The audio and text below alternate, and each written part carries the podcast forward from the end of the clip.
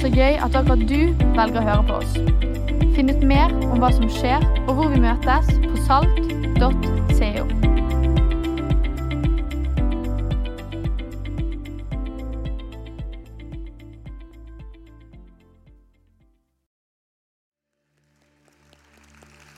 Så fint med en eh, smakebit av julekonsert eh, allerede. Mer av det søndag om en uke for eh, oss og alle vennene våre. Så fint. God søndag, alle sammen. Andre søndag i advent. I dag har jeg ikke med meg noen provisoriske kastevåpen som jeg skal eh, slenge utover rommet og prøve meg på bumerangeffekt. Jeg traff på tredje julekalender. Husker dere det? Det var møteledelse på lavt nivå. Jeg erkjenner at jeg skulle ha gjort noen prøvekast før jeg begynte å slenge adventskalender ut i rommet, og satse på at mine bumerangskills var på det nivået. Eller eventuelt kastenivå. Ingen, eh, ingen eh, provisoriske kastevåpen, men eh, noen ærlige bekjennelser. Jeg, jeg har vært utro siden sist. Mot jul, da. Jeg feiret jul i går. Jeg har spist pinnekjøtt i går. Unnskyld. Jeg åpnet halvparten av alle julegavene i går. Unnskyld. Jeg har spist uh, usannsynlige mengder med godteri og drukket all brusen som svigerfar hadde kjøpt inn. Svigerfamilien kom over til Bergen er her denne helgen, og i går så insisterte de på at vi skulle gjøre det skikkelig. Så 20 dager før julaften så hadde vi julaften. Vi bare skrev et totall foran fire, og så bare kjørte vi bånn pinne. Jeg tenkte nå, nå skjer dette her. Vi skal feire jul. Så i går så ble det koffert. Fikk en koffert. Og, eh, og, det var det jeg fikk, da, kan du si. Ja, jeg er veldig glad for at svigerforeldrene setter så mye pris på, på barnebarna. da. Og, at de anerkjenner min eksistens med en koffert. Det er helt innafor. Helt. Datteren fikk en sånn Garmin løpeklokke, så nå, nå, blir det, nå skal ikke hun sitte stille et sekund. i det hele tatt. Fireåringen han skjønte, begynte å skjønne. Jeg har jo eh, tre barn. En på 12, en på 11, en på fire. Som to pluss én-modell. Eh, og Fireåringen han begynner å skjønne hva jul handler om, så han er i gang med eh, å få litt sånn gullkorn fra barnemunn. og Det satte meg på sporet av det inn mot dagen i dag. Kan dere bære over med meg på noen gullkorn fra barnemunn om julen og julens budskap? Her kommer det fra Jo, som er syv år gammel. Josef han ble far til Jesus Kristiansen i en grisebinge uten at noen visste om det. Først visste han det ikke selv engang. Til slutt fikk han vite det av en engel som tilfeldigvis fløy forbi. Og På den måten begynte den oppvoksende slekt å vise seg. Jeg føler Jo er stor i språket. Han leverer analyse på høyt nivå.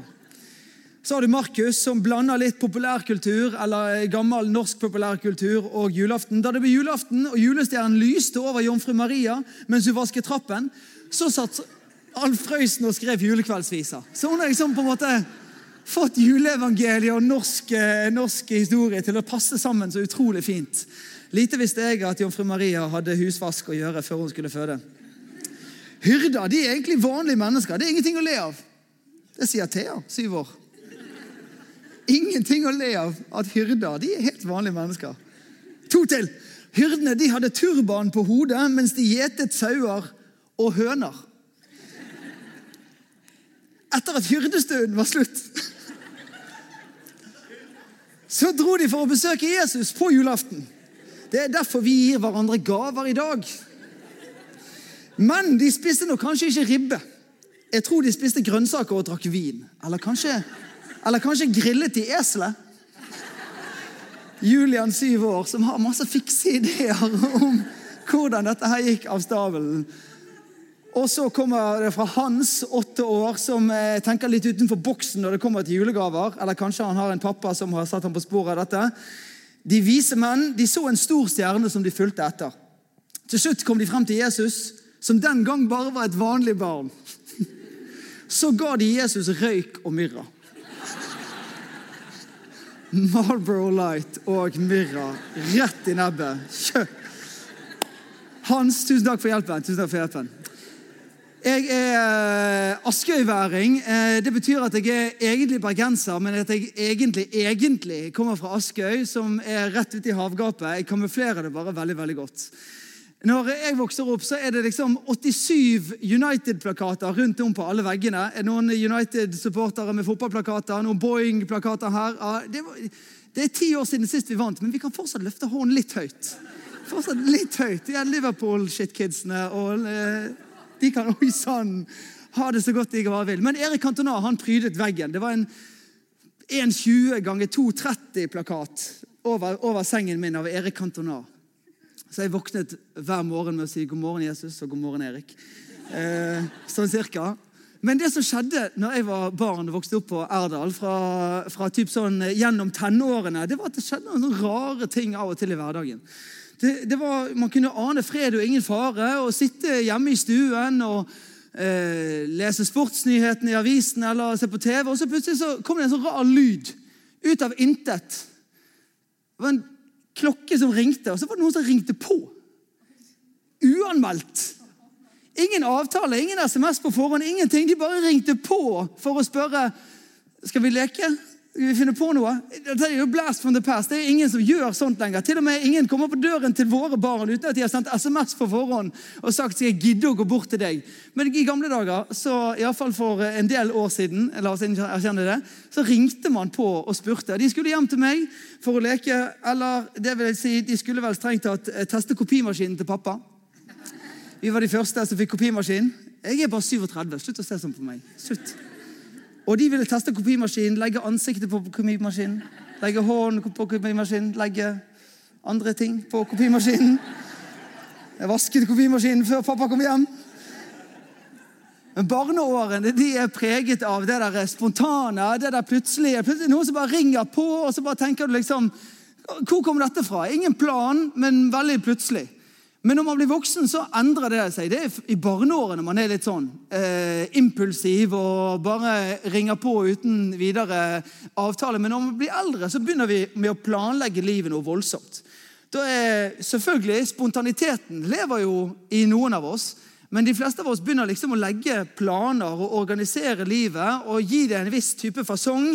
Enten du skriver det ned i kalenderen, eller du eh, bare liksom har det sånn cirka jeg er nok litt mer av den kalendertypen. Skal jeg erkjenne en ting? Ja. Jeg fikk en sånn liten sånn brun almanakk. Eh, og den, eh, når jeg gikk på videregående, fikk jeg det. Jeg likte det veldig godt. Nå kunne jeg ha kontroll. OCD-en min kunne få fritt utløp. Eh, så jeg skrev ned en, Hvis jeg skulle treffe en kompis, så skrev jeg ned jeg skal treffe, spise middag med Yngve. Skriver ned fra 15.30 til 17.30. skal jeg det. Men hvis den avtalen varte litt lenge, for å si at Yngve ble litt lenge, og ble til 1830, så hadde jeg noe som het blanko. Da kunne jeg gå inn og så kunne jeg redigere i almanakken min og skrive Det skjedde jo faktisk sånn at han var fra 1530 til 1830, må vite. Kjære almanakk, jeg vil så gjerne at du skal ha alt rett. Så når jeg skal skrive min biografi om mange år, så gleder jeg meg til å gjengi presist hvor lenge den meningsfulle middagsavtalen var der. Den varte i tre timer. Men midt i alt dette her planlagte og litt tvangsnevrotiske, så eh, er det meg og deg sitt liv som også utspiller seg. Og meg og deg har mange ting vi har lyst til å få til, mange ting vi har lyst til å få tid til. Og da blir de fleste ting vi har lyst til å få tid til, noe vi skal få plass til i en type kalender. legge inn som en plan. Er jo en veldig naturlig måte å leve livet på. Det jeg har lyst til å få til, det må jeg putte i en kalender og sette liksom en ambisjon om å få gjort i tid. Men en av de tingene som tuller det der til for oss noen ganger og Nå snakker jeg til eh, deg som kommer hit i kveld og ser på livet på samme måte som meg. Det vil si, Du kaller deg en kristen. Du tenker at jeg har lyst til å følge Jesus og være med på det han gjør i verden. Hvis du er her og du er bare nysgjerrig på kristen tro og liksom lurer litt på hva greien er, kjempekjekt at du er her. og Håper du får noe ut av disse minuttene. og Alt det vi har prata om, det er også til deg. Men om du følger Jesus, så vet du at det ligger en invitasjon fra Jesus' sin side om å bli med på det han gjør i verden dele evangeliet, gjøre det mulig for mennesker å både erfare, høre, oppleve at evangeliet er gode nyheter for alle mennesker. Men så blir det sånn min og din modus operandi, eller vår strategi, at da må vi jo legge det inn i kalenderen. Da må jo det skje, da må vi legge en plan for det. Og så plutselig så er ikke det dager nok eller tid nok, for det er så mange forventninger og så mange ambisjoner.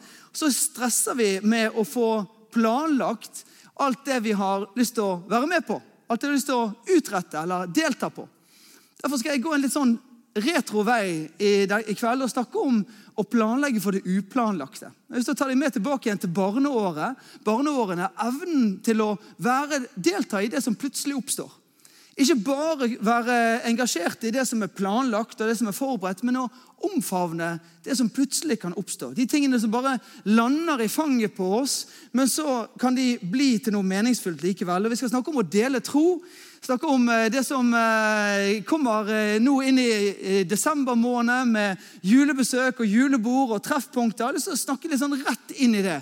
Kanskje det oppstår noen plutselige øyeblikker i løpet av de neste ukene i familiebesøket, i, på julebordet, med kameratene på studiet. Hvor enn du, du kommer tilbake igjen til der du eh, bor hvis du studerer bare i Bergen, så er det kanskje noen helt nye samtaler, men de kan komme litt bardus på.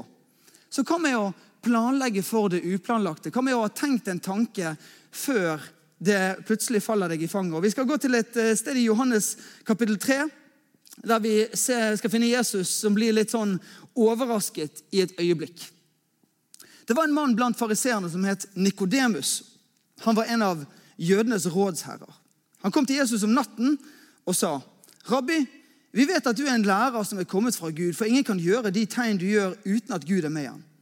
Jesus svarte, 'Sannelig, jeg sier deg, ingen kan se Guds rike hvis han ikke blir født på ny.' 'Hvordan kan en som er gammel, bli født?' sa Nikodemus.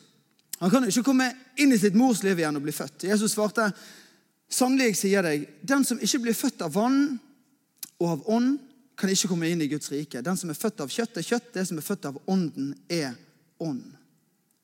Masse som skjer i den teksten. Men det gøyeste som skjer i den teksten, er at det er midt på natten. Lager du merke til det? Nikodemus har massevis av muligheter til å slå av en prat med Jesus. Han er jo ute i gatene og prater og holder på å dele om Guds rike og hva det betyr at han har kommet, og prinsipper for livet. Men Nikodemus tenker ikke helt nå. Ikke, dette er ikke timingen. Det står at han er en av jødenes rådsherrer. Så han, kanskje han har litt høye skuldre for hva alle andre vil tenke hvis han avslører at han er nysgjerrig på hva denne oppvigleren har å si. Hva denne annerledestenkende personen har å si. Denne som ikke lever livet på den samme måten som alle de andre. Så han går om natten. Han trenger å få litt sånn privat ro rundt det. Jeg har opplevd det så mange ganger. Du har opplevd det også. Folk som eh, du overraskes over at de har et spørsmål. Det spørsmålet kommer på tomannshånd. Det er da det er kjekt å prate. Det er når uh, de får din oppmerksomhet, og de kan spørre deg noen spørsmål på egen hånd. Det er da de tar mot til seg. Her kommer Jesus ut. Groggy Jesus. Jesus med sovesveis. Jeg savner det bildet. altså. Det er for mye sånn kjemmede Jesus, ordentlig Jesus. Jeg har vært på badet først før jeg skulle ta bilde av Jesus. Det, dette, er ikke, dette, er ikke, den Jesus. Dette er sovesveis Jesus. Out of bed-look Jesus. Og han kommer eh, rett ut til Nikodemus. Og han kunne jo svart det naturlige. Du, Nikodemus, leverte en eh, preken i går. Er på vei til et sånt berg i morgen for å levere en preken der. Eh, har masse greier jeg har å melde. Kunne du ha bare dukket opp på en av de stedene der, så hadde det kanskje blitt super mye enklere for meg og for deg. Så kan vi få sove begge to. Men Jesus skjønner jo at det er viktig at han respekterer og anerkjenner at dette uplanlagte øyeblikket kan bli en fantastisk viktig samtale.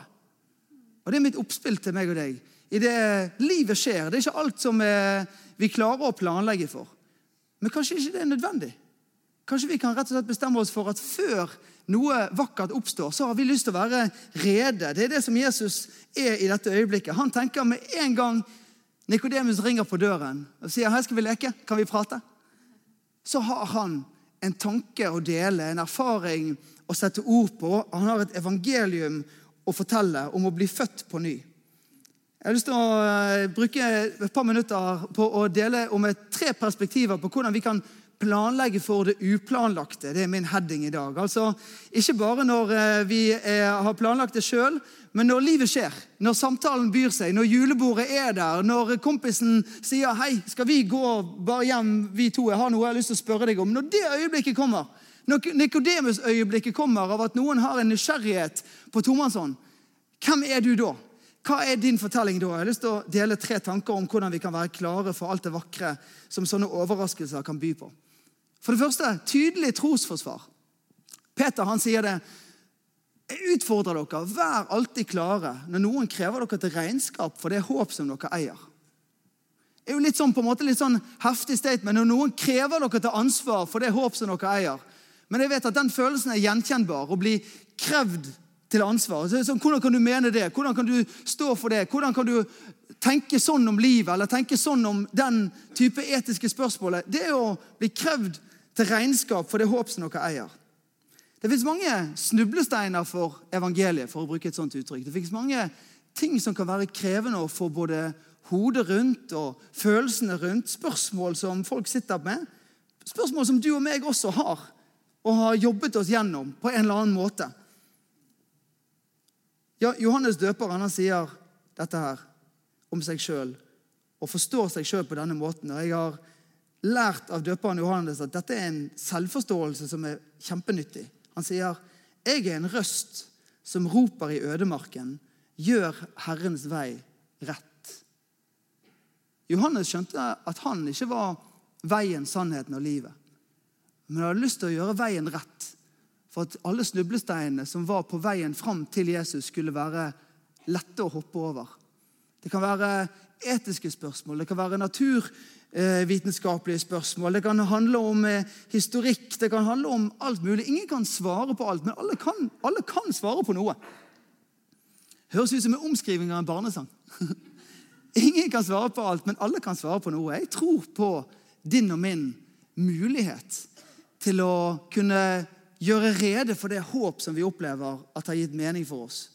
Kanskje en god ting å ønske seg til jul. En bok av Lee Strobel eller uh, Gary Cockle eller uh, uh, William Lane Craig. En eller annen apologetikkbok eller et eller annet som du tenker ja, men nå vil jeg planlegge for at når det vakre øyeblikket oppstår, så er jeg klar til å kunne dele noen perspektiver som ikke trenger å overbevise, men som kan skape en ettertanke rundt kristen tro. Ønsk deg noe til jul som kan være med å gjøre at trosforsvar kommer flytende ut av deg. Og apropos flytende.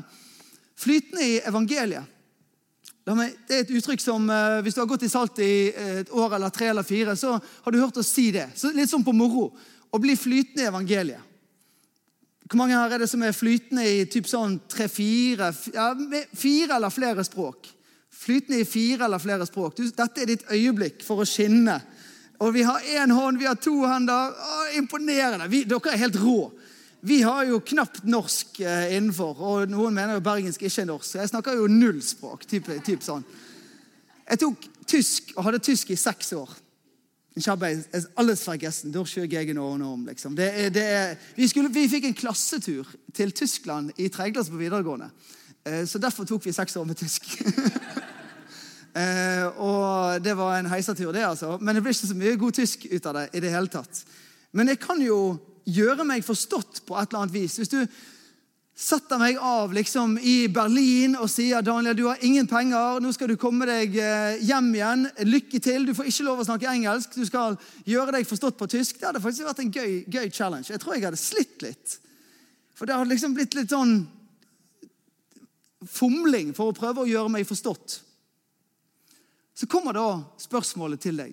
Hva er greia med kristendommen? Hva er, hva er, poenget med Jesus? Hva handler julen om? Sånn som du er en eller annen type nysgjerrig eller litt konfronterende forstand, så kommer det spørsmålet din vei. Noen som er enten liksom bare positivt innstilt og har lyst til å forstå, eller et eller annet sted liksom på andre aksen. Men det, det spørsmålet kommer. Hvor flytende kjenner du deg? Og Jeg spør ikke for å gjøre deg ille til mote. Jeg spør for å liksom bevisstgjøre oss rundt hvordan vi kan planlegge for det uplanlagte på når det spørsmålet kommer. Hvor flytende kjenner du deg? Jeg vet at du har mange begreper inne om rettferdiggjøring og om synd og om forsoning. og Det var noe i hagen, og det var et eple, og det var ingen som skulle spist av det. Men det ble jo tatt en bit av det eplet, og så var det 40 år i ørkenen, og så var det sånn svært teppe, og det ble revna fra øverst til nederst. og Der skulle plutselig noen gå inn, og det var veldig heldig der, men nå kunne alle komme inn der. og Det var sykt digg, og det er forsoningen, og Jesus han kommer tilbake igjen, og alt. Ja, mm, Det er kristendommen, da. Takk for meg. Eh, det går an til å gjøre seg forstått, eh, men det går jo også an å bli flytende. Og Det er en utrolig fin utfordring å ta til eh, alle oss som har muligheten til at noen ringer på klokken tre om natten og spør hva er greien egentlig? Hva, hva er poenget med dette som du åpenbart har gitt en stor plass i ditt liv, og som har et plass i livet til et par av vennene dine også? Det fanger min nysgjerrighet. Det handler om nåde, det handler om tilgivelse, om kjærlighet, om glede, om rettferdighet. Det er en som noen som kjenner meg, gjør narr av meg og sier det er evangeliet er som en diamant med mange fasetter. Evangeliet er ikke én ting. evangeliet er gode nyheter på så mange måter.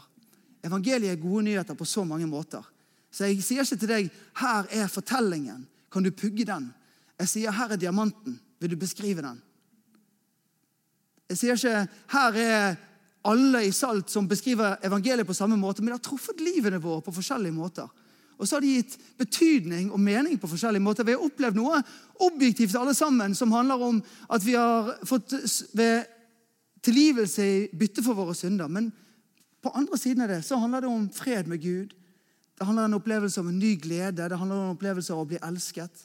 Det handler om erfaring av at noe kom meg i møte og ga meg en ny start. Det er din fortelling.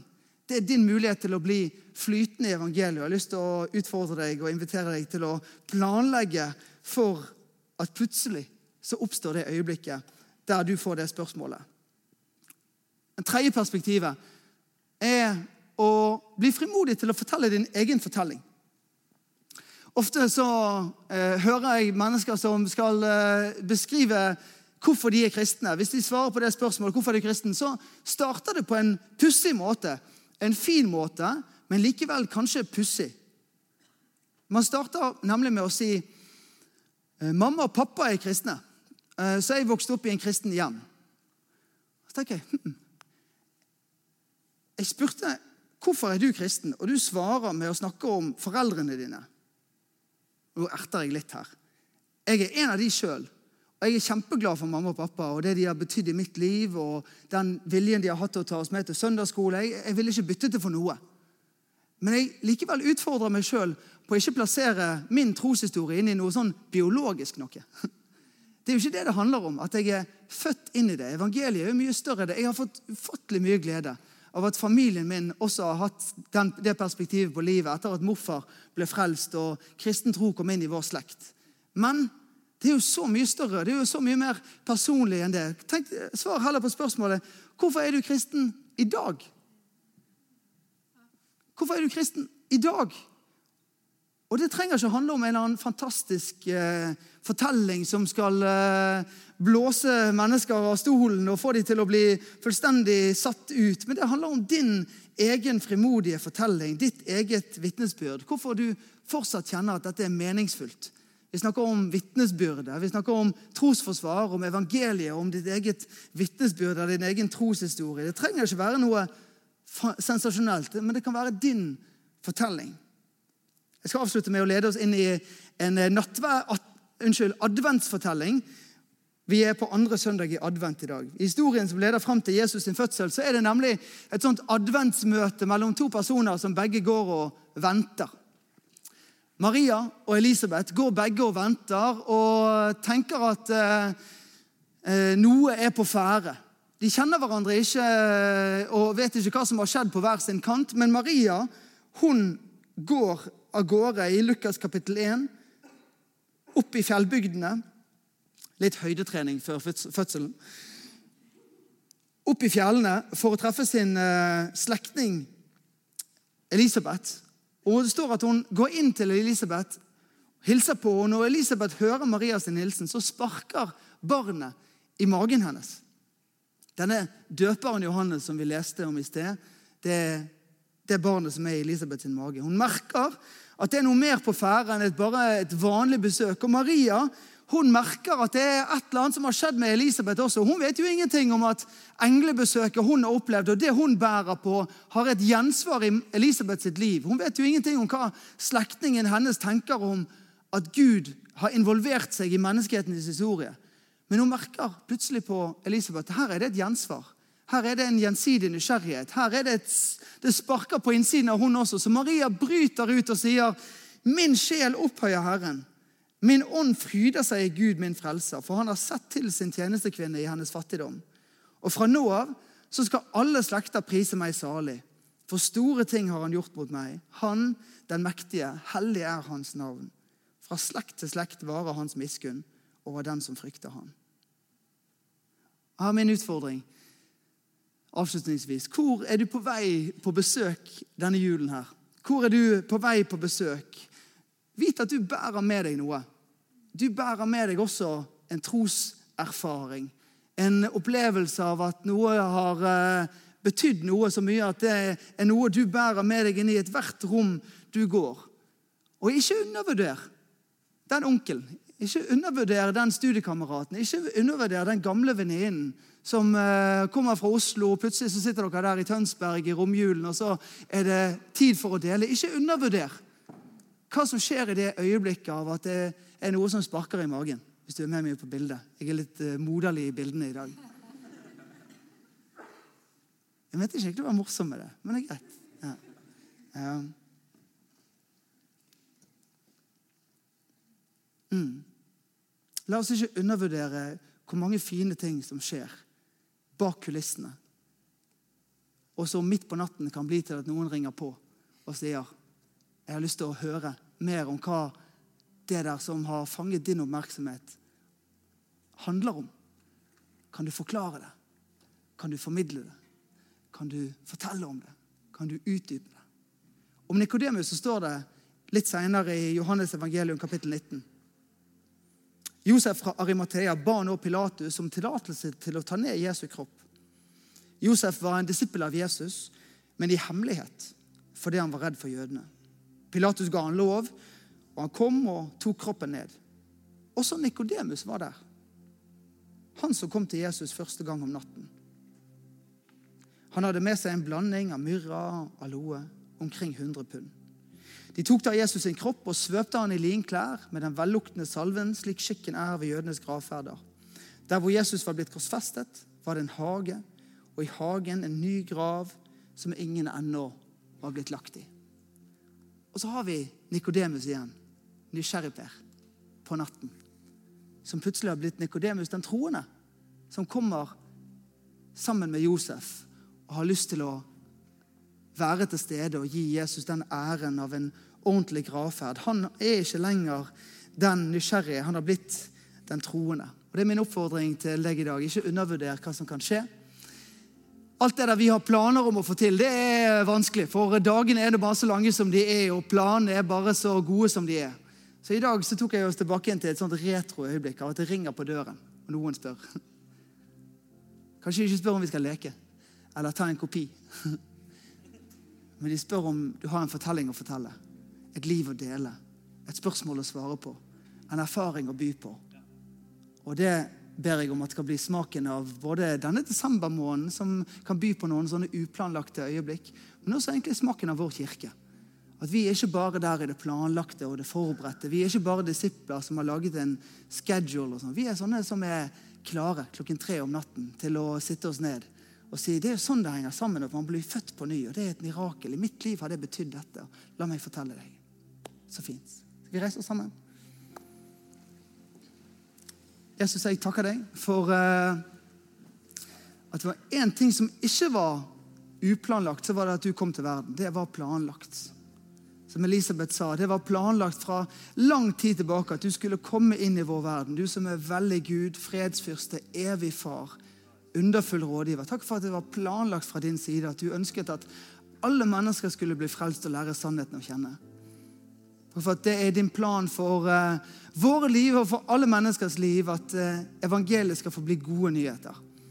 Så ser du våre liv og alt det vi har på oss av forventninger og uh, ambisjoner og oppgaver. Takk for at vi får leve meningsfulle liv og legge, skape fulle dager, fulle av mening og fulle av glede.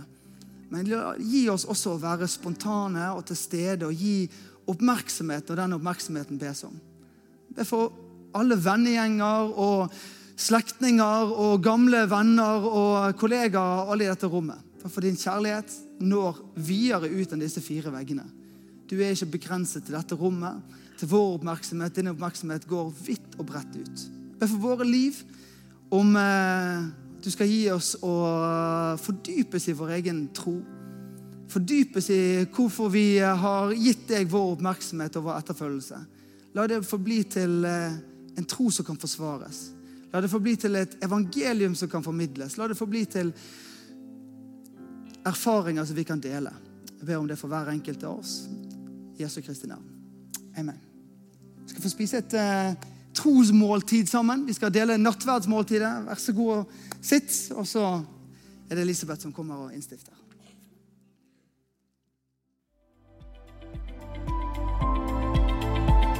Takk for at du hørte på. Håper vi snakkes enten her eller i kirken neste søndag. Ha en nydelig uke.